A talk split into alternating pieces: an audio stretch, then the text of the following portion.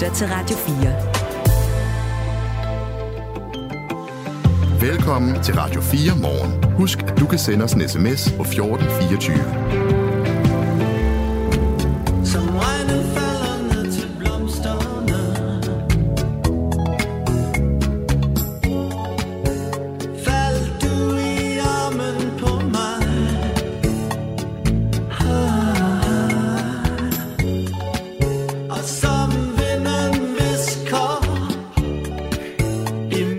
Michael Robach sidder med de helt store fødselsdagsflag. Øh, det er nemlig rigtigt, fordi vi er en taleradio, så der skal jo være en god grund til, når vi spiller noget musik. Og jeg sidder her og vifter med det helt store fødselsdagsflag, fordi Lars Hug, som vi hører her, han fylder 70 i dag.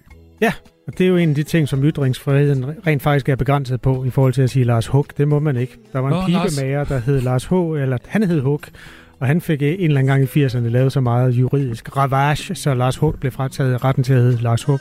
Så du skal lige sige det hele forfra, så skal du huske at sige H.U.G. Lars H.U.G. Skal jeg så sige det hele morgen? Nej, det behøver du Nej. Og det, ved du hvad, det der Hug, det står for? Altså H.U.G.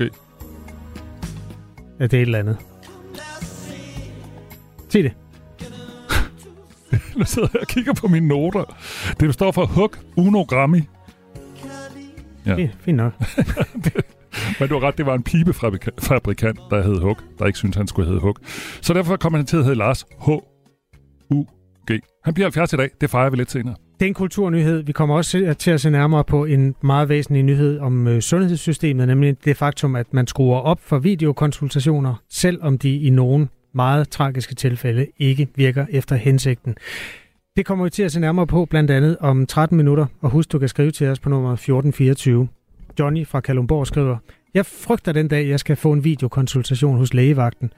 De fleste vil nok sige ja og nej og ammen til det, lægen siger. Jeg er også selv meget autoritetstro og gør, som lægen siger. Så det er ikke godt nok. Video. Fem dage med feber, hmm, skriver Johnny, som altså har lyttet med i resuméet af det der meget tragiske forløb, som vi kommer til at følge op på med en mand, der desværre kun blev 37 år på grund af en blodforgiftning, der ikke blev opdaget. Radio 4 Morgen er i, i dag befolket af Michael Robach og Kasper Harbo, og tak fordi du har stillet ind. Du kan skrive til os på 1424. Godmorgen. Morgen. Det her er Radio 4 Morgen.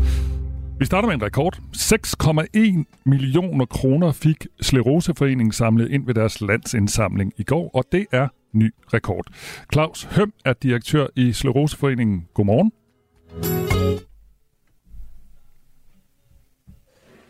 Er du der, Claus? Vi, vi... Ja, ja, det, det, det kan I tro. Godmorgen. Og det er godt. Ny rekord. Hvordan er humøret her til morgen, selvom klokken den kun er 8 minutter over syv? Jamen, den er høj. Altså, vi er så er enormt kisteglæde. Altså, det kan du tro. Øh, mere end 18.000 danskere har sklerose, og antallet af danskere, der er, bliver ramt af den her sygdom, er fordoblet på 20 år, og Danmark har i dag verdens fjerde højeste forekomst af uhelbredelig fremadskridende øh, øh, sklerose. Kan du, ja. prøve, kan du prøve at sætte et par ord på, øh, hvordan øh, sklerose påvirker livet for, for mange danskere? Jamen, for de her næsten 20.000 danskere, ja, så betyder det selvfølgelig at leve med en, en sygdom, øh, som udvikler sig øh, hele tiden, som sætter sig i bevægelsesapparatet eller sætter sig øh, på hjernen. Sklerose er en sygdom, som sætter sig i øh, rygmagen og, og i hjernen, og den gør så, at man får flere og flere funktionsnedsættelser. Nu har vi jo så ringet til dig, fordi at I havde den her rekord på mere end 6 millioner kroner, I har samlet ind. Hvordan øh, kommer de her mennesker, der har den her sygdom, til at mærke, at øh, I har fået lidt penge på bogen? Jamen, de kommer til at mærke det på, øh, på to måder. Først og fremmest så øh, i den forskning, som vi støtter, det er faktisk sådan, at de penge, som Skleroseforeningen samler ind i løbet af et år, det finansierer mere end halvdelen af al dansk skleroseforskning. Så derfor er det selvfølgelig kolossalt vigtigt, at når vi har en landsindsamling, at der så også bliver samlet mange penge ind. Og så har vi i de her år fokus på børn som pårørende, altså børn, der har en, en far eller mor, som har en, en fremadskridende uhelbredelig sygdom. Det påvirker selvfølgelig et barneliv, og det er der, hvor vi som forening kan, kan støtte op. Så noget forskning og noget hjælp til nogle børn, så den hovedsageligt skal pengene bruges til? Ja, altså patientstøtte øh, bredt, øh, men først og fremmest forskning. Prøv at fortælle os, hvordan I samlede de her penge ind. Øh, jeg var hjemme i går, der var ikke nogen, der bankede på min dør med en raslebøsse, men det kan, det kan være, at I ikke har været ude med raslebøssen. Hvordan har I, hvordan har I uh, fået så mange penge? Jamen, det har vi øh, ved, at øh, der har været 5.000, eller mere end, end 5.000 frivillige, som helt på helt gammeldags fasong er gået fra hus til hus med en indsamlingsbøtte. Så er der øh, mange, som har lavet en online indsamling og lavet alle mulige forskellige aktiviteter lige på dagen øh, øh, for at samle penge ind til, til skroseindsamlingen. Så det er sket på rigtig, rigtig mange måder, og, og det er klart, at 5.000 mennesker kan ikke øh, nå alle husstande i Danmark, men vi nåede rigtig mange. Mm. Lige da jeg så øh, den her historie, så tænker jeg 6 millioner. Er der ikke noget med, du ved, sådan noget knæk, knæk cancer og sådan noget, de er langt over 100 millioner eller, eller mere. Er der stor forskel egentlig på, hvor meget I kan samle ind, alt efter hvilken øh, forening I kommer fra? Ja, det er der jo ingen tvivl om. Altså, det, det er nogle helt andre beløb, når vi taler om de store livsstilssygdomme. Også fordi, øhm, at der er selvfølgelig mange, mange flere, som er berørt af det, og derfor stiller op. Altså dem, der stiller op til en skleroseindsamling, det er jo typisk nogen, som har sklerose tæt inde på livet. En, et familiemedlem, en ven, en kollega, en nabo. Altså, og det, øh, jeg lige vil sige, det, det, det er selvfølgelig heldigt, at der ikke er så mange, der er berørt af det, men det betyder så også, at vi selvfølgelig sender færre indsamler på gaden, end for eksempel kraftens bekæmpelse. Tak fordi du var med her, og tak fordi du fortæller om, hvordan I har samlet øh, de her penge ind, og ikke mindst, hvad det skal bruges til. Ha' en god dag. Tak i lige måde.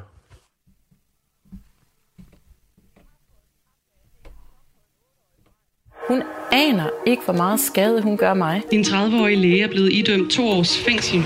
Radio 4 undersøger er en podcast, der afslører, dokumenterer og belyser sager, der har relevans for dig. Vi kommer ikke til at udtale os om det, eller at du skal have noget agtindsigt herfra. Når myndighederne svigter, sundhedssystemet fejler, eller forsvaret forurener med PFAS, giver Radio 4 undersøger der hele historien, baggrund og perspektiv. Vi har jo den holdning, at man burde fjerne det her omgående. Lyt til Radio 4 undersøger i Radio 4's app, eller der, hvor du lytter til podcast. Radio 4. Få det væk. Ikke så forudsigeligt. Og det er også vores undersøgergrupper, der har øh, lavet den her historie, som vi kigger på hele morgenen igennem, hvor en øh, 37-årig mand mistede livet efter et øh, videoopkald til en vagtlæge.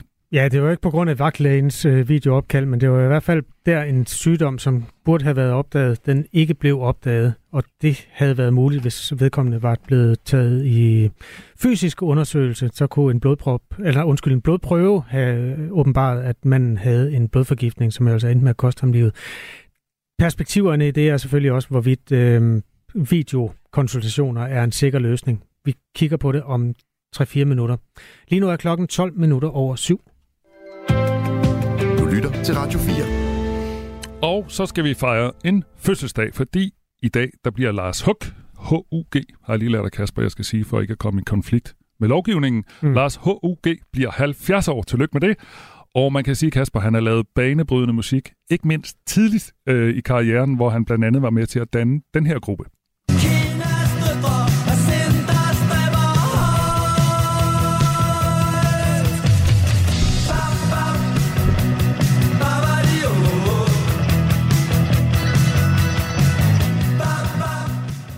Ja, det er meget lækkert øh, at føle, at det er 80'erne igen. Ja, kan du huske, hvad gruppen hed? For det fik jeg nemlig ikke sagt. Cliché. Det er nemlig rigtigt.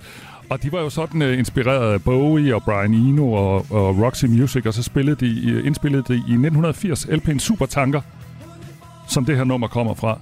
Og de blev jo sådan et opgør med 70'erne, sådan lidt bløde politisk uh, mere spillemandsmusik, så var det her jo virkelig uh, hårdt slående og sådan minimalistisk på en helt anden måde, end uh, vi var vant til. Var du fan? Ja, men jeg blev først fan, fan øh, af, i 1982, da pladen øh, OK OK Boys kom, som jeg øh, virkelig råspillede på mit øh, kassettebånd. Okay, så mens øh, Lars Hug kan HUG, skal jeg huske at sige undskyld, Paul Hug, øhm, er være dit minde. Mens han kan fejre 70 år, så kan du så fejre 41 år som fanboy ja, af Lars HUG. Ja. ja. Og med til historien hører også, at det var et Aarhus-bane, og det var jo i 80'erne, hvor rigtig meget ny, spændende musik øh, kom fra Aarhus, og Lars H.U.G. var i Aarhus, fordi han gik på Kunstakademiet i Aarhus. Og det skal måske også lige med til historien, at Steffen Brandt... Mm, man kan og, høre det i koret. Præcis. Og man tænker også, det lyder faktisk også lidt som en TV2-sang, men det, Steffen Brandt, der senere dannede øh, TV2, var også med en kort overgang i øh, Cliché. Og det der med navnet, nu har du været lidt inde på det.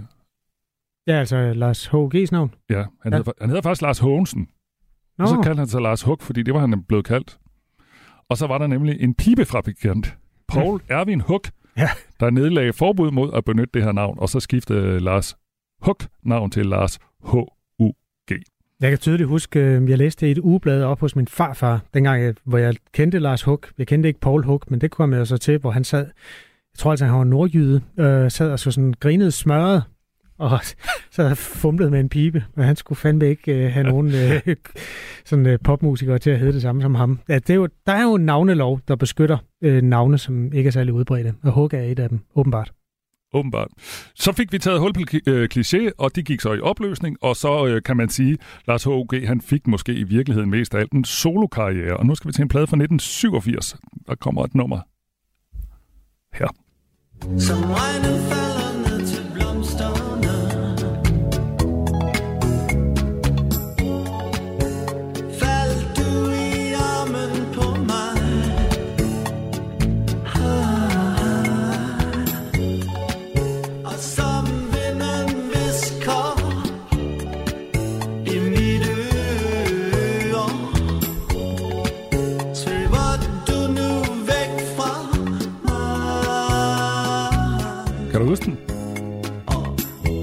Jeg venter lidt på det omkvædet. Hvad er det, ah. han synger?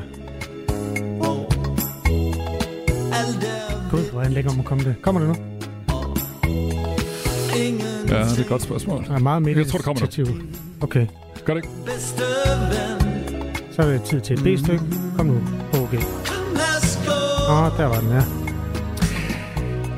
Ja, han delte jo vandene lidt. Han har sådan en meget... Øh, de der diskante pip, han laver i sin måde at synge på, det... Øh, Jeg elsker det ja, det...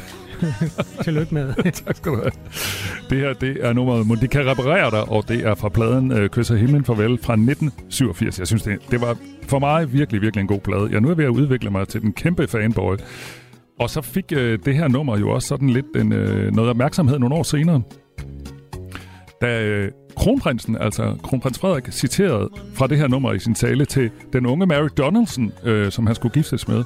Mm. Og han sagde til hende i øh, talen, uden at sige noget om, det var øh, en øh, sangtekst fra Lars H.G., han sagde til hende, kom lad os gå, kom lad os se, gennem tusinde verder, verdener venter vægtløs kærlighed.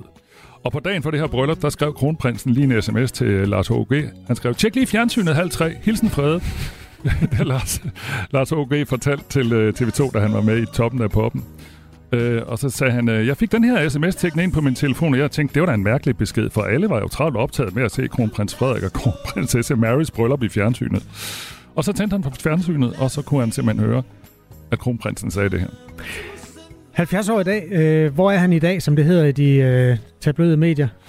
Det er et godt spørgsmål. Altså, jeg har jo googlet lidt på ham, og jeg kan se, at han i øh, 2016 annoncerede, at nu var karrieren slut. Nu ville han ikke mere. Han ville stoppe på toppen.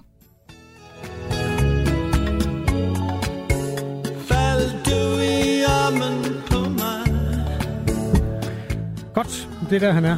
Skal du ikke også høre det sidste nummer med ham? jeg Jo, så med? tag lige en sidste pip, øh, og så lægger jeg simpelthen dig i benlås i forhold til at spille mere Lars H.G. i dag. I 87 der lavede han en plade, der hed Copy, med fortolkninger af danske sange, som vi alle sammen kender. Og nu vil jeg bare lige spille det her, og jeg ved godt, det passer slet ikke til, en, til at vi uh, klokken den er 18 minutter over syv. Du får Men jeg- 40 sekunder. Men jeg kan ikke lade være, jeg synes simpelthen, det er sådan en skøn nummer. Sådan en skøn fortolkning fra hans plade fra 87. Solen er så rød Og skoven bliver så sort Nu er solen død Dagen gået Du lytter til Nattevagten på Radio 4 med Michael Robach. Der spiller sin yndlingsnummer med Lars Hug. Ja, Nå, Godt. tillykke til ham. ja. Og Han det, bliver i dag 70, det var derfor, vi lige skulle have en lille fejring. ja. Og øhm, klokken blev alt imens øh, vi hørte musik 19 minutter over 7. Radio 4. Ikke så forudsigeligt.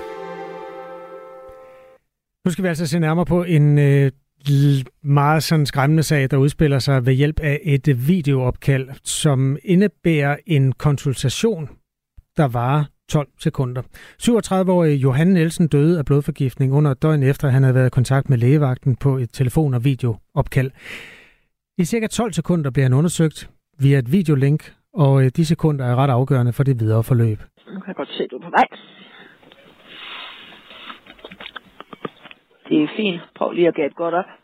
Og du kigge dig ind i munden. Med hovedet tilbage. For at sige ah. Ah, ja, det er fint. Det er godt. Vagtlægen udtaler til en igangværende klagesag, at video er et godt instrument, når man vurderer, om en patient er akut dårlig og skal ses i, altså muligvis skal ses fysisk i vagtlægen eller akut på sygehuset. Vagtlægen fortæller også, at hun på videoen her ikke så en patient, som efter hendes vurdering var akut behandlingskrævende. Men det kunne altså have set anderledes ud, hvis Johan Nielsen havde fået tid til en fysisk konsultation ved vagtlægen og var blevet sat i gang med en antibiotika-behandling samme dag. Det kunne have reddet hans liv. Vurderer professor i almen medicin på Københavns Universitet, Lars Bjergum. Problemet med videoen er, at man fokuserer på nogle specifikke øh, spørgsmål, som lægen har i hovedet, og beder, beder om at få det afklaret på videoen, men man ser ikke helheden. Og så, altså klart, øh, hvis han var blevet behandlet på det tidspunkt, eller kort efter, at han havde haft sin telefonkonsultation, så havde han haft gode chancer for at overleve. Vi vil gerne høre fra dig, der har oplevet noget lignende. Altså, det her det er jo i den sidste ende for at hjælpe vores sundhedssystem med at blive bedre og med at se nogle af de øh, mangler, der er i videokonsultationerne som redskab. Du kan skrive til os på 1424, hvis du har prøvet en videokonsultation, der ikke virkede efter hensigten. Øh, Lars Bjergum, som vi hørte her, vurderer altså, at flere ting går galt i den to minutter og 10 sekunder lange telefon- og videokonsultation. Ifølge Johan Nielsens forlod, der havde han det virkelig skidt, da han ringede. Hun beskriver, at han var begyndt at blive konfus og havde svært ved at koncentrere eller orientere sig. Han havde sådan helt grålig hud, og han blev ved med at få næseblod. Han havde meget ondt i hovedet og i kroppen, og han havde ikke spist i flere dage. Fordi både øh, mad og væske kastede han op igen. Og så fortæller hun altså også kæresten, som besøger os senere i dag, at hun havde haft med, eller han havde haft mellem 39 og 40 i feber i fem dage. Der er mange af de her symptomer, som man ikke når frem til i den samtale mellem, Lars, øh, mellem øh, Johan, Johan Nielsen og vagtlægen. Nu hører vi hele samtalen. Det er to minutter og 10 sekunder, og det er sådan ret stærkt, når man ved, hvad det egentlig fører med sig. Så vi tager den lige øh, hele vejen igennem. Lægevagten, det Det er Johan Nielsen. Hej. Hej. Jeg øh, har haft øh, 39 feber i ja, fem, fem dage, Mm. og det bliver ikke bedre. Nej, hvorfor ringer du akut knap? Fordi jeg er nummer 42. i- Ja, det- men det er til folk, der har blodprop i hjertet og sådan noget. Det må du altså ikke. Hvorfor? Alle de, alle de der øh, 50 mennesker, vi har i kø, har jo ondt i halsen og feber, ikke også? Det, det må du simpelthen ikke gøre en anden gang. Hvad er temperaturen i dag? 39. Har du andet end ondt i halsen? Har du hoste, hovedpine, muskelsmerter og noget? Ja, ja. Ja, det hele. Det hele. Bløde, bløde ud af næsen også. Hovedpine, muskelsmerter, snot og hoste. Det lyder som influenza. Lad mig lige prøve at se dig på video. Har du prøvet det før? Nej. Nej. Øh, 50, 43. Godt. Du skal sætte din telefon på højtaler, hvis den ikke allerede er det, og så har jeg lige sendt dig en sms. Og når du åbner den, så er der sådan en videolink. Ja. Kan du drikke noget? Ja. Godt. Der er ikke så meget, vi kommer op igen. Har du fået sms'en fra mig? Ja, ja, det sådan. Godt. Kan jeg godt se, at du er på vej. Det er fint. Prøv lige at gætte godt op. Og du kigger dig ind i munden. Den hovedet tilbage. For at sige ja. Ah. Ja, det er fint. Det er godt. Det, der sådan er alarmsymptomer for mig, det er, øhm, hvis du ikke overhovedet kunne drikke noget, eller hvis du ikke kunne åbne din mund, og det ser fuldstændig fint ud. Så, øhm, så det øhm, ser du an til i morgen med smertestillende, og så snakker du med din egen læge. Okay. Og i morgen, og næste gang du ringer, så er det ikke noget med akutknappen til sådan noget her. Nej. God bedring. Tak. Hej. Hej. Mindre end et døgn efter det her opkald dør Johan Nielsen af blodforgiftning. Vores kollega Jais Nørgaard Alstrøm er med os. Øh, Du har været med til at arbejde på den her ja, historie, øh, kalder jeg det, øh, i mangler bedre. Det er jo en tragedie. Mm. Godmorgen. Godmorgen. Der, der er nogen, der undrer sig over, at vi overhovedet har adgang til den type altså, telefon Ja. samtale. Det, det, det er jo sådan en del af, af patientens ret, ikke sandt? Jo, altså, øh, de blev gemt, de her video- eller slået øh, telefonkonsultationer, fordi man skal øh, kunne drage læring af dem. For eksempel, hvis nu man øh, en patient klager. Så de øh, bliver gemt, og når nu en patient eller patientens pårørende ønsker agtindsigt, øh, så kan man få det. Så de ligger ligesom øh, opmagasineret til, øh, og det er patientens ret at få indsigt i den slags. Det her er jo selvfølgelig en, en tragedie, men der er også nogle perspektiver i det. Sådan, hvad er det for nogle hvad er, det for en, hvad er det egentlig en historie om det her? Jamen altså man kan sige, videokonsultationer, som, som den her historie handler om, det, de blev jo indført under coronapandemien, fordi man jo ikke kunne komme ind og se sin læge, eller se lægen i øh, lægevagtregi. Og så er de ligesom en ting, der er blevet hængende, og det bliver brugt mere og mere. Øh, hvis man bare ser på alene i Region Midtjylland, så har der været i den første halvdel af i år 47.000 videokonsultationer i lægevagten. Og det er 10.000 mere, end der var samme tid sidste år. Så det er altså noget, der sådan virkelig har taget fart, og at man bruger de her øh, læge, øh, videokonsultationer. Og man ved egentlig ikke ret meget på forhånd, hvis man ikke ret meget om, hvad, hvilke konsekvenser kan det have, hvor, hvor godt er, er det her som et værktøj. Øhm, inden vi kommer til de andre ting, der går galt, hvad, hvad er det egentlig så, der går galt i den her video? Jamen altså, videoen bliver jo afgørende for, at lægen ikke, øh, eller at, at øh, Johan Nielsen ikke kommer fysisk til lægen. Altså vi ved, at lægen lægger stor vægt på videoen i forhold til, hvorfor hun afsluttede Johan Nielsens henvendelse, sådan som hun gjorde. Og de efterladte har klaget over lægen, og hun er så kommet med et svar til klagen på skrift. Og her der skriver vagtlægen sådan her, at video er et godt instrument, når man skal vurdere, om en patient er akut dårlig. Jeg så ikke en patient, der var akut behandlingskrævende. Så lægen lægger altså selv stor vægt på, hvad hun så på videoen, da hun skulle vurdere, om Johan Nielsen han skulle se fysisk, øh, ses fysisk af en læge.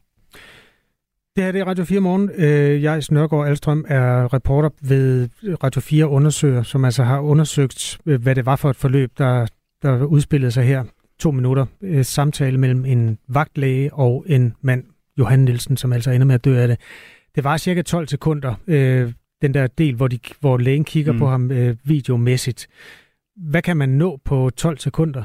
Altså, ifølge vagtlægen, så kan man nu observere en hel del ting, fordi i det her øh, klagesvar, der forklarer, forklarer lægen også, at hun i løbet af de her 12 sekunder når at vurdere, at Johan Nielsen har normale farver i huden, at han ikke er bleg, at der ikke er synligt udslæt eller synlig blødning fra næsen og ingen ændring af øjenfarven, og at han bevæger hovedet, nakken og armene frit og at øh, Johan Nielsen ikke har besværet vejrtrækning. Og selve videoen her, den, den gemmes ikke på samme måde som telefonkonsultationen. Det er kun lyden derfra. Så jeg har ikke set den, og I har så heller ikke set den, og Johan Nielsens pårørende har heller ikke set den. Det er kun vagtlægen, der har set den. Men ud fra det, man kan høre i de her 12 sekunder, så øh, stiller Lars Bjergum, øh, professoren, som vi hørte øh, lige før, han stiller sig tvivlende over for, at, at lægen har kunnet nå at lave alle de her observationer, som jeg lige listede op. Øh, måske skal vi tage et, et klip, hvor han også lige påpeger, Lars Bjergum, der er professor i almen medicin på Københavns Universitet. Han mener, der er flere ting, der går galt i den samtale mellem øh, vagtlægen og Johan Nielsen. Han inviteres jo ikke til at tale om sine bekymringer og sine problemer, når man bliver bebrejdet på den måde, som hun gør. Han tør næsten ikke andet end svare på det specifikke, som hun spørger om. Altså, han siger dog, at han bløder ud af næsen, og så bekymrer han sig over fem dages feber kunne man også spørge om, hvorfor, hvorfor er du bekymret for det? Så er det patienten, man inviterer til at tale. Det er patientens problemer, der bliver fokus, og ikke de revolverspørgsmål, som, som lægen stiller, og som på forhånd er lægens tanker. Måske skal vi lige høre også, hvor han sådan kommenterer den del, altså øh, i forhold til, hvad man kan nå på 12 sekunder. Det, det, det er jeg svært ved at, at se ud fra øh, det, jeg hører på videoen, at hun øh, ser ham bevæge hovedet. Hun, hun beder ham i hvert fald ikke om at, at, at vise, hvordan han bevæger hovedet, eller vise huden andre steder på kroppen. Øh, de ting, øh, det er noget, hun, hun, hun, hun angiver efterfølgende, men det, kan ikke, det, er ikke, det er ikke støttet i samtalen øh, øh under videooptagelsen, at hun gør disse ting. Jeg er Snørgaard Alstrøm. Øh, der er nyheder om lidt, men vi skal lige for det første fortælle, at vi får besøg af hans efterladte kæreste, altså Johan Nielsens efterladte kæreste, Sabrina, øh, om cirka et kvarter her i Radio 4 morgen. Der er nok også nogen, der sidder og stiller sig selv spørgsmålet, hvordan reagerer systemet på det her? Jamen lige nu der behandler Sundhedsvæsenets disciplinærnævn klagen fra Johan Nielsens efterladte. Og så har de pårørende også været til sådan et dialogmøde med den pågældende læge. Men efter det har de så fastholdt klagen øh, efter det her møde her. Og det er sådan en klage, den kan ende i, det er øh, kritik af, af, af vagtlægen i sidste ende. Hvis... Altså den pågældende lægeperson, så at sige? Ja. ja. Okay. Øhm, vi er meget spændte på perspektiverne i det her. Det er jo altså et slør, vi løfter i Radio 4 morgen, også med hjælp fra dig, der måske har lyst til at skrive til os, hvis du har oplevet noget lignende. Du kan skrive en sms til nummeret 1424, hvis du har været sådan igennem en videokonsultation, der ikke virkede efter hensigten, så vil vi gerne øh, hjælpe de mennesker, der driver sundhedssystemet med at se de mangler, sådan det system kan have. 1424 er altså nummeret. Klokken er halv otte. Nu er der nyheder på Radio 4. Flere digitale løsninger og sundhedspersonale, der får udvidet deres arbejdsområder. Det er nogle af de punkter, der kommer til at være på menuen, når Robusthedskommissionen i dag fremlægger sine resultater for, hvordan sundhedsvæsenet kan fremtidssikres. For patienterne vil anbefalingerne betyde, at mødet med sundhedsvæsenet foregår mere på en skærm. Så lyder det fra Jes Søgaard, der er professor i sundhedsøkonomi ved SDU. Man er simpelthen nødt til at prioritere i de opgaver, sundhedspersonalet i dag laver. Øh, og det vil betyde, at øh, mange af os som patienter, vi må øh, være indstillet på, at der er flere ting, vi skal klare selv. Der vil være nogle øh, kontrolundersøgelser, som måske vil ske ikke kun ambulant, altså uden indlæggelse, men, men også for eksempel over telefonen eller online. Lyden er fra TV2. Kommissionens formand Søren Brostrøm nævner i Jyllandsposten som eksempel, at nogle borgere efter et kraftforløb vil kunne klare sig med digitale løsninger som alternativ til kontrolbesøg på et hospital. Og den slags kan blive opfattet som serviceforringelser, fortæller Jes Søgaard. Når opgaven lyder på, at vi skal kunne øh, tilvejebringe flere sundhedsydelser til en aldrende befolkning, uden at det må koste ekstra. Det må ikke koste ekstra i penge, og det må ikke koste ekstra i personale. Jamen, så vil nogen opleve det som serviceforringelser. Det, det kommer man nok ikke udenom. Russiske luftforsvarssystemer har i nat ødelagt to droner, der var afsendt af Ukraine. Det er sket nær grænsen til Ukraine i den russiske, russiske Belgorod-region. Det oplyser det russiske forsvarsministerium på beskedtjenesten Telegram, skriver nyhedsbyrået AFP. Ingen er ifølge regionens lokale guvernør kommet til skade i forbindelse med ødelæggelsen af dronerne. Fragmenterne af en af dronerne faldt ned på en vejbane nær en privat beboelsesbygning. Beredskabstjenesten er på stedet, skriver han på Telegram. Siden Ukraine indledte en modoffensiv i begyndelsen af juni, har Rusland gennem de seneste måneder været udsat for en bølge af droneangreb. Angrebene har blandt andet beskadiget bygninger, også i landets hovedstad Moskva. Kina afviser at være involveret i sagen om to mænd, der er blevet anholdt under mistanke om spionage i Storbritannien. Så lyder det fra en talsperson for Kinas ambassade i London. Påstanden om, at Kina er mistænkt for at stjæle britiske efterretninger, er fuldstændig opdigtet og intet andet end ondsindet ærekrænkelse, lyder det i en udtalelse. Britisk politi oplyste i weekenden, at man har anholdt henholdsvis en mand i 20'erne i hans hjem i Edinburgh og en mand i 30'erne. Først nævnte var en forsker i det britiske parlament. Anholdelserne fandt begge sted i marts måned og fik den britiske premierminister Rishi Sunak til under G20-topmødet i New Delhi i Indien i weekenden til at fortælle sin kinesiske modpart Li Chang, at han var meget bekymret over Kinas indblanding i demokratiet. 24 Grand Slam titler, så lyder Novak Djokovic's opdaterede Grand Slam høst efter US Open-finalen, der sluttede i nat. I forvejen var Djokovic, Djokovic rekordholder med flest Grand Slam-titler hos herrene. Med sin 24. titel tangerede han også rekorden på tværs af kønnene og har nu samme antal som Margaret Court, der vandt 24 Grand Slam-titler i damesingle fra 1960 til 1973. Samtidig blev Djokovic med sejren den ældste vinder af US Open hos herrene. Udbredt tåge og dis, der klarer op i løbet af formiddagen til nogen eller en del sol. I Jylland dog i perioder mere skyde med mulighed for regn eller tordenbyer. Temperaturer op mellem 20 og 27 grader og svag til jævn vind, mest mellem sydøst og sydvest. Det var nyhederne her på Radio 4 med Asbjørn Møller.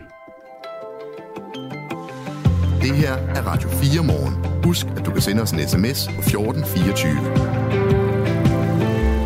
Op til 27 grader hørte vi lige, men samtidig, Kasper, så er jeg lige læst her, mens der var nyheder læst en artikel på tv2.dk, og de skriver, mandag bliver formentlig den sidste meteorologiske sommerdag i denne omgang, så det er bare med at få shortsene på i dag. Det var da en dårlig nyhed. Ja, måske. Jeg lige lært at holde af det. Okay. Øh, en anden udsigt er jo et øh, el-udsigten, oh, altså ja. strømpriserne. Vores lytter Ulrik skrev til os lidt tidligere på morgenen, at hvis man skal bruge strøm i dag, for eksempel vaske noget tøj, eller bare starte opvaskemaskinen, så lad være med at gøre det mellem øh, 18 og 20.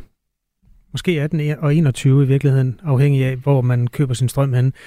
Der er simpelthen øh, strømpriserne op i over 6 kroner per kilowatt-time. Så det er dårligt nyt på alle fronter i forhold til udsigterne.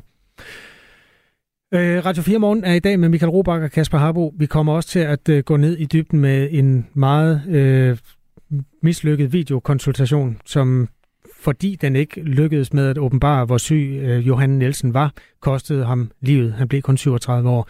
Hans kæreste Sabrina Søgaard er med i Radio 4 Morgen om cirka 8 minutter. Du kan skrive til os på 1424. Godmorgen. Godmorgen. Det her er Radio 4 morgen. Vi hører hele tiden, at det går rigtig, rigtig godt med den danske økonomi, men det er altså ikke sådan, at de løber rundt med hænderne over hovedet i store dele af industrien. Her må virksomhederne nemlig slås med modgang, det skriver Berlingske her til morgen. Allan Sørensen er cheføkonom økonom i Dansk Industri. Godmorgen. Godmorgen. Hvad er den sådan hovedforklaring på, at I ikke løber rundt med armene over hovedet i industrien? Ja, det er, at vi faktisk kan se et, et meget todelt billede. Vi har, når vi ser på overfladen, ser det jo godt ud, men det er ene og alene medicinalindustrien, der trækker fremad. Der er faktisk tilbagegang i store dele, eller i hele den øvrige industri. Øh, og det skyldes jo en afmatning i udlandet, og det skyldes øh, stigende kronekurs, blandt andet. Den her afmatning i udlandet, prøv at sige noget om det. Altså, fordi vi hører det går godt, så godt herhjemme. Er vi sådan lidt alene om det? I, jamen, det går jo godt i industrien herhjemme, fordi vi har en stærk medicinalindustri. Men vi har jo været igennem i et år til halvanden med ekstrem høj inflation og massive rentestigninger. Og det har taget luften ud af økonomien øh, i Tyskland, i Sverige, i, i Storbritannien, og det er altså også det, vi kan se i sådan i store dele af industrien herhjemme, at, øh, at det, det går ikke fremad. Så dem vi godt kunne tænke os at sælge nogle varer til, de har faktisk ikke rigtig nogen penge. Det er den ene forklaring. Den anden forklaring, nævnte du også, det er, at kronen er stærk. Prøv lige at forklare os, øh, os der ikke øh, har læst økonomi på universitetet. Hvad, hvad, hvorfor er det et problem, at kronen er stærk? Jamen, øh, kronen og euroen står stærkt lige for tiden, og det betyder, at, øh, at prisen på svenske kroner, på norske kroner, på kinesiske yuan, jamen de er faldet i værdi. Og det gør det, det gør det dyrere for svenskerne at, at købe danske produkter, fordi de skal simpelthen have flere svenske kroner op ad lommen for at købe øh, en dansk maskine, der koster 1 million danske kroner. Jamen den koster så endnu flere svenske kroner i dag end for et år siden. Den samlede industriproduktion, den er over det seneste år steget med 9%, og dog er det så kun inden, som du også nævnte, inden for medicinalindustrien og elektronik, at der er fremgang. Og øh, med førstnævnte, altså medicinalindustrien, så er det selvfølgelig Novo Nordisk, der trækker det hele op. I alle andre brancher, der er der nemlig tale om tilbagegang. Samlet set er industriens produktion, hvis man fraregner medicinalindustrien, dykket med 12 procent det seneste år. Det er Dansk Industri, altså DI, der har lavet den her opgørelse til Berlingske på baggrund af tal fra Danmarks Statistik. Hvordan kan det være, at der er så stor forskel øh, på, på brancherne?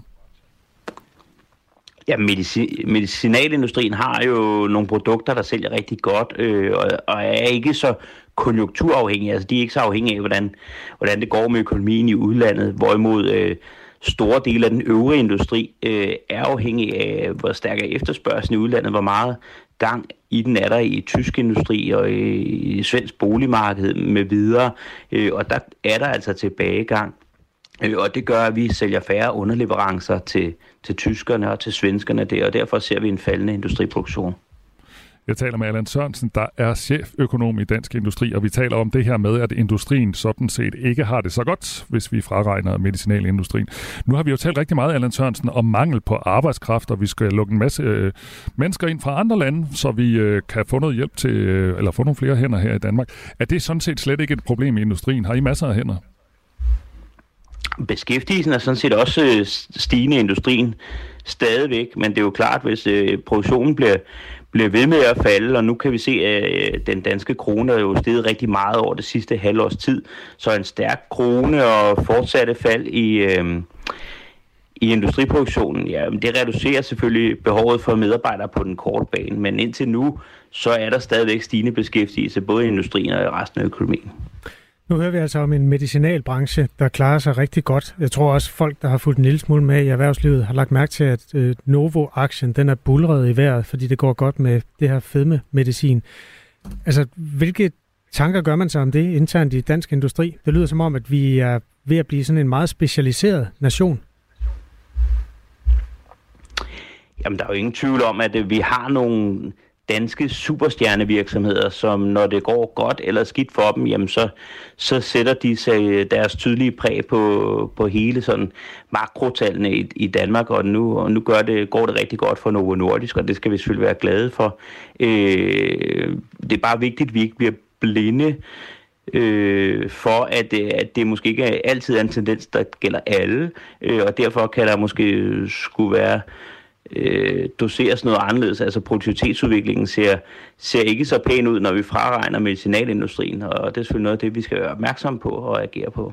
Ja, fordi hvis der så kom en dårlig nyhed om det her fedmemedicin i morgen, så vil vi sådan, så vil hele Danmarks BNP pludselig se anderledes ud. Er det det, du siger?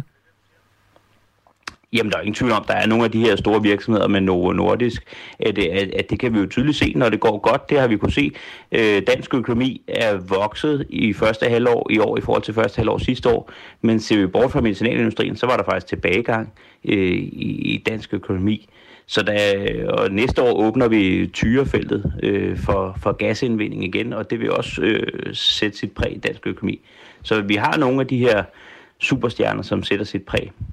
Allan Sørensen, jeg kan se, du har sagt til Berlingske side, øh, Tidene, når vi ser på fremstillingsindustrien, skal vi tilbage til finanskrisen for at se et dyk i produktionen, der er lige så stort som det, vi har haft det seneste år. Siger du altså til Berlingeren, hvor alvorligt er det her? Jamen lige nu og her kan vi sige, at altså, beskæftigelsen stiger stadig, øh, men det er meget bekymrende tendenser, øh, at, at øh, produktionen er faldet så meget øh, over det sidste års tid, og det er rigtigt, at vi skal tilbage til, til finanskrisen for at finde et tilsvarende fald, øh, hvis vi fraregner medicinalindustrien. Det betyder, at vi står i, med tilbagegang og går ind i et efterår her, hvor efterspørgselen i udlandet også ser svær ud. Vi har fået nogle erhvervstillidstal for eurozonen og ikke mindst øh, Tyskland, hvor øh, det går svært for tysk industri, og det ser også ud til at brede sig til serviceindustrien. Så efterspørgselen er også svag her i efteråret og kan, kan så trække yderligere lidt ned i produktionen. Og hvilke konsekvenser har det så sådan helt konkret, at dele af industrien har det så hårdt? Jamen, industrien er, er jo en, en stor øh, branche i Danmark. Den leverer hovedparten af vores øh, eksportindtægter. Den står for rigtig meget af de investeringer, vi har, øh, og, og bidrager cirka med en 12-13 procent af værdiskabelsen herhjemme. Så så det er jo en, en sektor, der har øh, en stor betydning og vil kunne aflæses øh, i, i dansk økonomi. Nu er du jo cheføkonom i Dansk Industri, som sådan set også er sådan en slags lobbyvirksomhed for industrien. Hvad, hvad, hvad, hvad, hvad ønsker I jer egentlig? Eller kan man overhovedet ønske sig noget for, at det her det skal blive bedre? Eller er det bare konjunkturer og udefra kommende faktorer, der gør, at det går sløjt?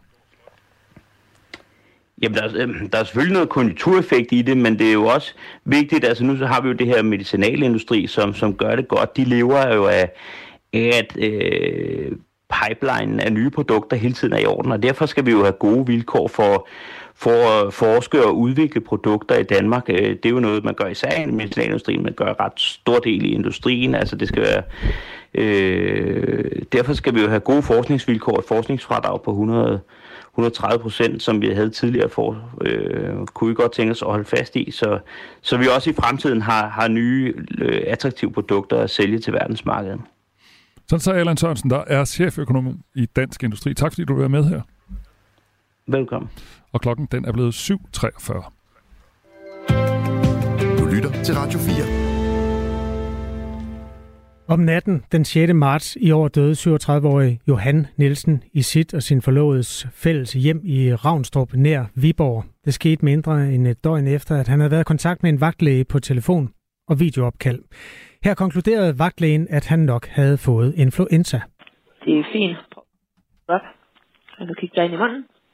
Den hoved tilbage. For at sige ja. Ah, ja, det er fint. Det er godt. Det, der sådan er alarmsymptomer for mig, det er, øhm, hvis du ikke overhovedet kunne drikke noget, eller hvis du ikke kunne åbne din mund, og det ser fuldstændig fint ud. Så, øhm, så det øhm, ser du an til i morgen, hvis smerten stiller, og så snakker du med din egen læge. Og i morgen, og næste gang du ringer, så er det ikke noget med akutknappen til sådan noget her.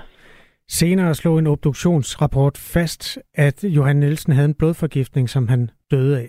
Forløbet op til hans død vækker nu kritik fra en professor i almen medicin og fra den afdødes pårørende, fordi hans død kunne muligvis have været undgået.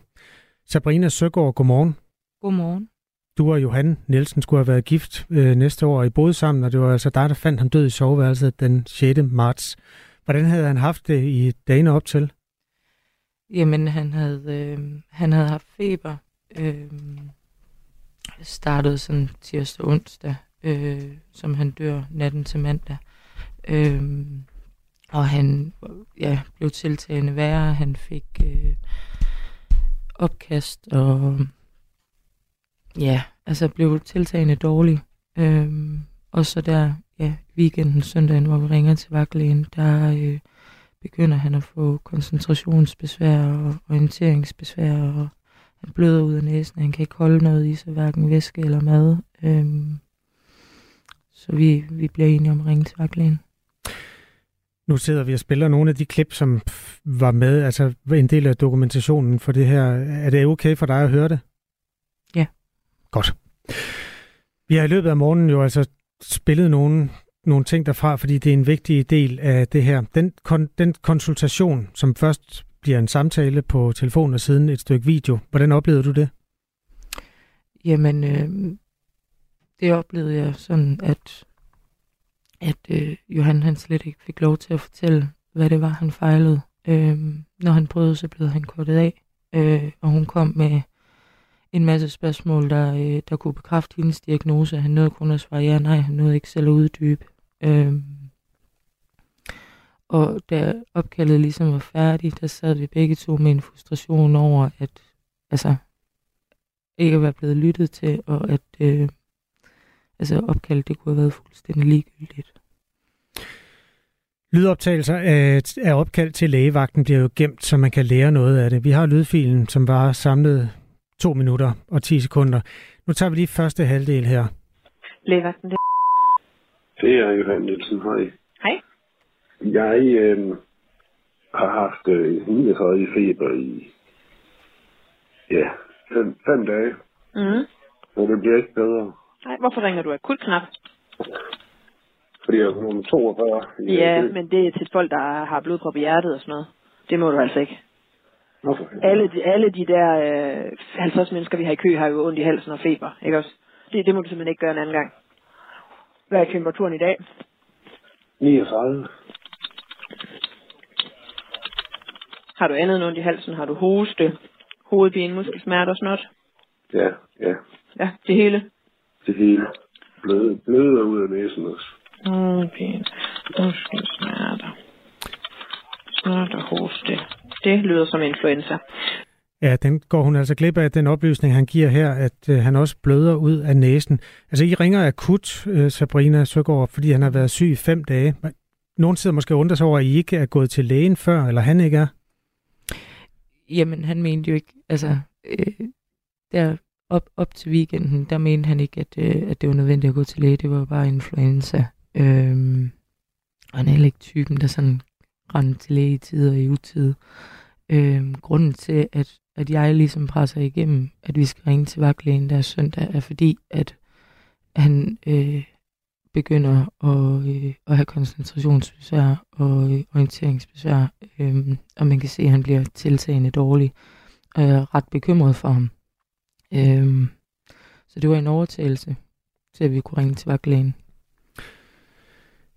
Det gør han jo så, og vi har hørt, øh, hvordan det forløb. Vi har talt med to eksperter, en professor i almen medicin og en infektionsmedicinsk overlæge. Og de siger begge to, at høj feber i flere dage og blødende næse, det, det er faresignaler, man skal reagere på som læge, fordi der er altså mulige tegn på blodforgiftning, som viste sig at være det, som Johan var ramt af. Vagtlægen skriver faktisk ikke ind i sit øh, journalnotat fra den her konsul- konsultation, at han bløder ud af næsen, og heller ikke, at han kaster væske op igen. Vi hørte første halvdel. Lad os lige prøve at høre anden del nu. Lad mig lige prøve at se dig på video. Har du prøvet det før? Nej. Nej. Øh, 50, 43. Godt. Du skal sætte din telefon på højtaler, hvis den ikke allerede er det, og så har jeg lige sendt dig en sms. Og når du åbner den, så er der sådan en videolink. Kan du drikke noget? Ja. Godt. lige kommer op igen. Har du fået sms'en fra mig? Ja, ja, det var sådan... Godt. Nu kan jeg godt se, at du er på vej. Det er fint. Prøv lige at gætte godt op. Og du kigger dig ind i munden. Den hovedet tilbage. For at sige ja. Ah, ja, det er fint. Det er godt. Det, der sådan er alarmsymptomer for mig, det er, øhm, hvis du ikke overhovedet kunne drikke noget, eller hvis du ikke kunne åbne din mund, og det ser fuldstændig fint ud. Så, øhm, så det øhm, ser du an til i morgen med smertestillende, og så snakker du med din egen læge. Okay. Og i morgen, og næste gang du ringer, så er det ikke noget med akut knappen til sådan noget her. Nej. God bedring. Tak. Hej. Hej. Sabrina Søgaard, altså du var kæreste med Johan Nielsen her, som så døde efter det her opkald. Hvordan, hvad tænker du på, når du sidder og hører det her? Jamen, jeg tænker, at, øh, at det skulle have været undgået. Jeg tænker, at det er en læsjob og, øh, og kommunikere med, med sine patienter på en måde, så at, at patienterne kan komme frem med de symptomer, de har. Og det, det gør hun ikke. Hun, det er hende, der fremlægger symptomlisten, og så skal han bare forholde sig til den, og så har hun mere travlt med at skælde ham ud over at have trykket akut knap, og det var så også den følelse, vi begge to sad med bagefter, øhm, og som egentlig er den originale årsag til, at, at jeg startede klagen. Hvad sker der efter det her opkald og den her samtale med vagtlægen er slut? Øhm, vi sidder kort og drøfter, hvor, øh, hvor træls en samtale det var. Øhm, og så konstaterer han, at så kan det også være lige meget, øh, og så går han i seng, og så sover han mere eller mindre resten af dagen og resten af aftenen. Øh, så, så jeg ser ikke en tiltagende forværing. Og så, ja, dagen efter, så dør han. Altså, du finder ham død? Ja. Ja. Når I nu oplevede, at han havde det så dårligt og, og blev, altså fik det endnu værre, hvordan kan det være, at I ikke ringede til lægevagten igen, eller måske 112? Vi ringede ikke til lægevagten igen, øh, fordi det ville han ikke, for det første. Øh, og Hvorfor ja, ikke? Øh, fordi det kunne han ikke se nogen mening i. Øh, nu havde han jo snakket med en læge, som havde konstateret, at det var influenza. Det var også det, han selv regnede med. Så, øh, så kunne han lige så godt vente på egen læge dagen efter. Øh, og jeg ringede ikke 112, fordi at han har sovet stort set for det her opkald af, og så til om natten, hvor han dør med meget få øh, opvågninger, og hvor det slet ikke var muligt at konstatere den her tiltagende forværing, der jo så åbenbart har været, siden han kunne dø af blodforgiftning. Havde jeg set det, så havde jeg selvfølgelig ringet. Sabrina Søgaard, øhm, vi er glade for, at du vil være med til at sætte lys på det her. Det alle kan jo forstå, at det er enormt øh, ja, traumatisk for, for dig og for jeres familie, at også at, at genbesøge det, der skete den der den aften og den nat. Så tak skal du have, fordi du vil være med. Jeg får lyst til at spørge dig til sidst, altså, hvad er det, du gerne vil have, have, have ud af, at vi, vi fortæller historien? Jamen, øh, vi som familie vil rigtig, rigtig gerne have det ud af det, at øh, der kommer lys på, hvor belastet vores sundhedssystem er, hvor, øh, hvor meget det egentlig går op i kroner og øre, hvor meget der kan spares, og hvor mange patienter, der kan komme hurtigst muligt igennem. Øhm, og så vil vi også gerne øh, hjælpe med at belyse det her med problematikkerne omkring videoopkald.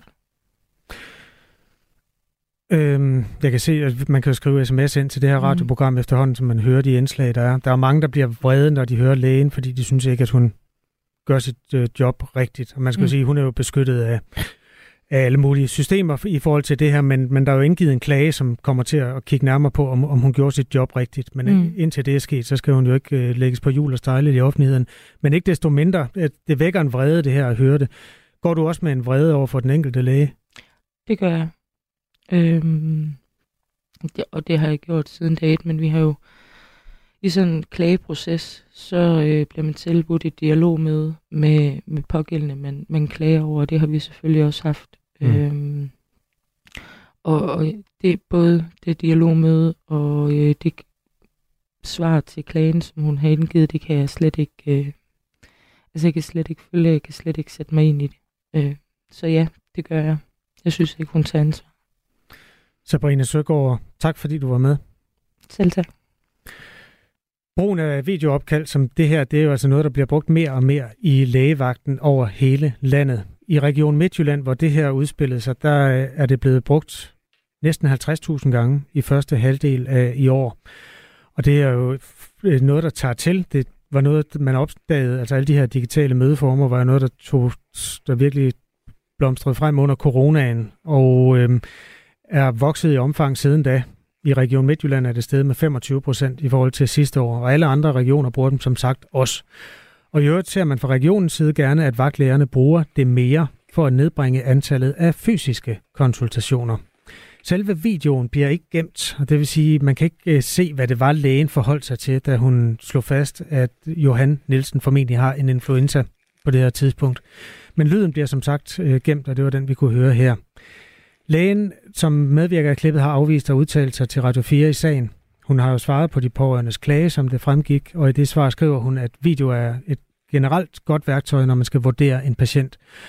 I den her video skriver hun, at øh, hun kan observere, at han har normale farver i huden, at han ikke er bleg, og at der ikke er synligt udslæt eller synlig blødning fra næsen, og der er ikke nogen ændringer af øjenfarven. Det er noget af det, hun noterer sig. Og så mener hun også at have observeret, at han bevæger hovedet og nakken og armene frit, og at han ikke har besværet vejrtrækning. Alt det her når hun altså at øh, registrere sig i løbet af de 12 sekunder. Og som du sagde før, Kasper, så får vi en øh, del øh, sms'er på den her historie, og tak for dem. Øh, der er en, der skriver til os, godmorgen til jer. Det er jo en dybt tragisk historie, I bringer, og stakkels hende, I har i studiet nu. Alt mulig sympati til, at hun stiller sig frem. Kæmpe respekt til hende. Manden siger, at han ikke kan drikke væske, øh, men at det kommer op igen, og det hører lægen jo slet ikke, er der altså en, der skriver til os på 1424. Der er også, altså det her, det vil vi jo gerne sætte lys på, ikke for at, øh, hvad skal man sige, drive rovdrift på den enkelte historie, men for at øh, hjælpe med at sætte fokus på de problemer, som der kan følge med, når man flytter en masse fysiske konsultationer over til digitale konsultationer, som det altså skete her. Og derfor vil vi meget gerne høre fra dig, der har prøvet noget lignende, altså hvor en videokonsultation via Zoom eller et af de andre øh, videoopkaldstjenester der, ikke har givet det, som der var brug for. Der er nogen, der har skrevet til os her. Jeg tager lige en. Det er ikke helt det samme, men min kæreste oplevede at ringe 112, da han fik overvældende ondt i hjerte og lunger, men de ville ikke sende en ambulance. Heldigvis kom en læge tilfældigt forbi den bænk, han havde lagt sig på i byen, og så straks, at han havde en blodprop i hjertet hvorefter hun selv ringede efter en ambulance. Ikke at jeg vil tale mere om det, men jeg altid synes, det var så skræmmende, at damen i 112 var så afvisende, står der i den sms, som er kommet ind på 1424. Og Patrick Agergaard, som er psykoterapeut, han skriver til os, videokonsultation stiller andre krav til behandleren. Jeg spørger mig selv, om problemet er videokonsultation i sig selv, eller er det denne læge, som virker stresset og irritabel? Hun burde vel som minimum kalde ham ind til en blodprøve. Der er ingen tvivl om, at den her læge har haft en travl aften. Hun, det fremgår også, at der lå 50 mennesker i kø på det tidspunkt, hvor der åbenbart var en influenzaepidemi, der var i opblomstring. Og dermed har lægen også været under pres. Så uanset hvad man kan konkludere på lægen, den enkelte læges indsats, så er der også noget, der tyder på, at det er et, et øh, system, der er spændt sådan rimelig hårdt. Vores lytter Iben skriver til os, I kaster et dygtigt røgslør over lægen, som ved dårlig stresshåndtering øh, er skyld i et menneskes død. Hvis den slags skal undgås, er det meget vigtigt, at der er konsekvenser for læger. Det er altså et synspunkt, som Iben uddyber i en sms også.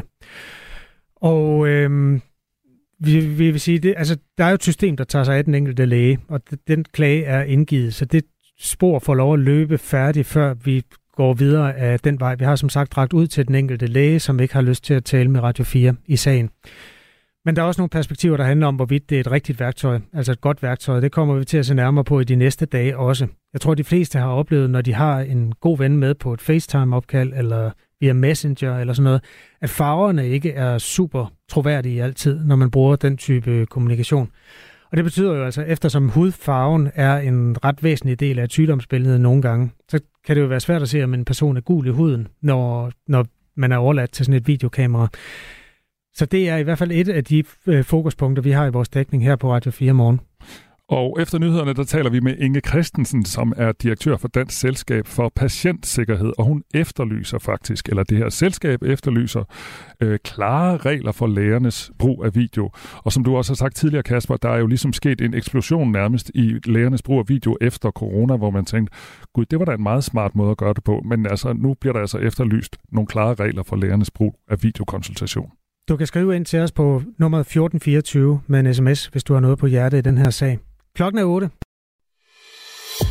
Du har lyttet til en podcast fra Radio 4. Find flere episoder i vores app, eller der, hvor du lytter til podcast. Radio 4. Ikke så forudsigeligt.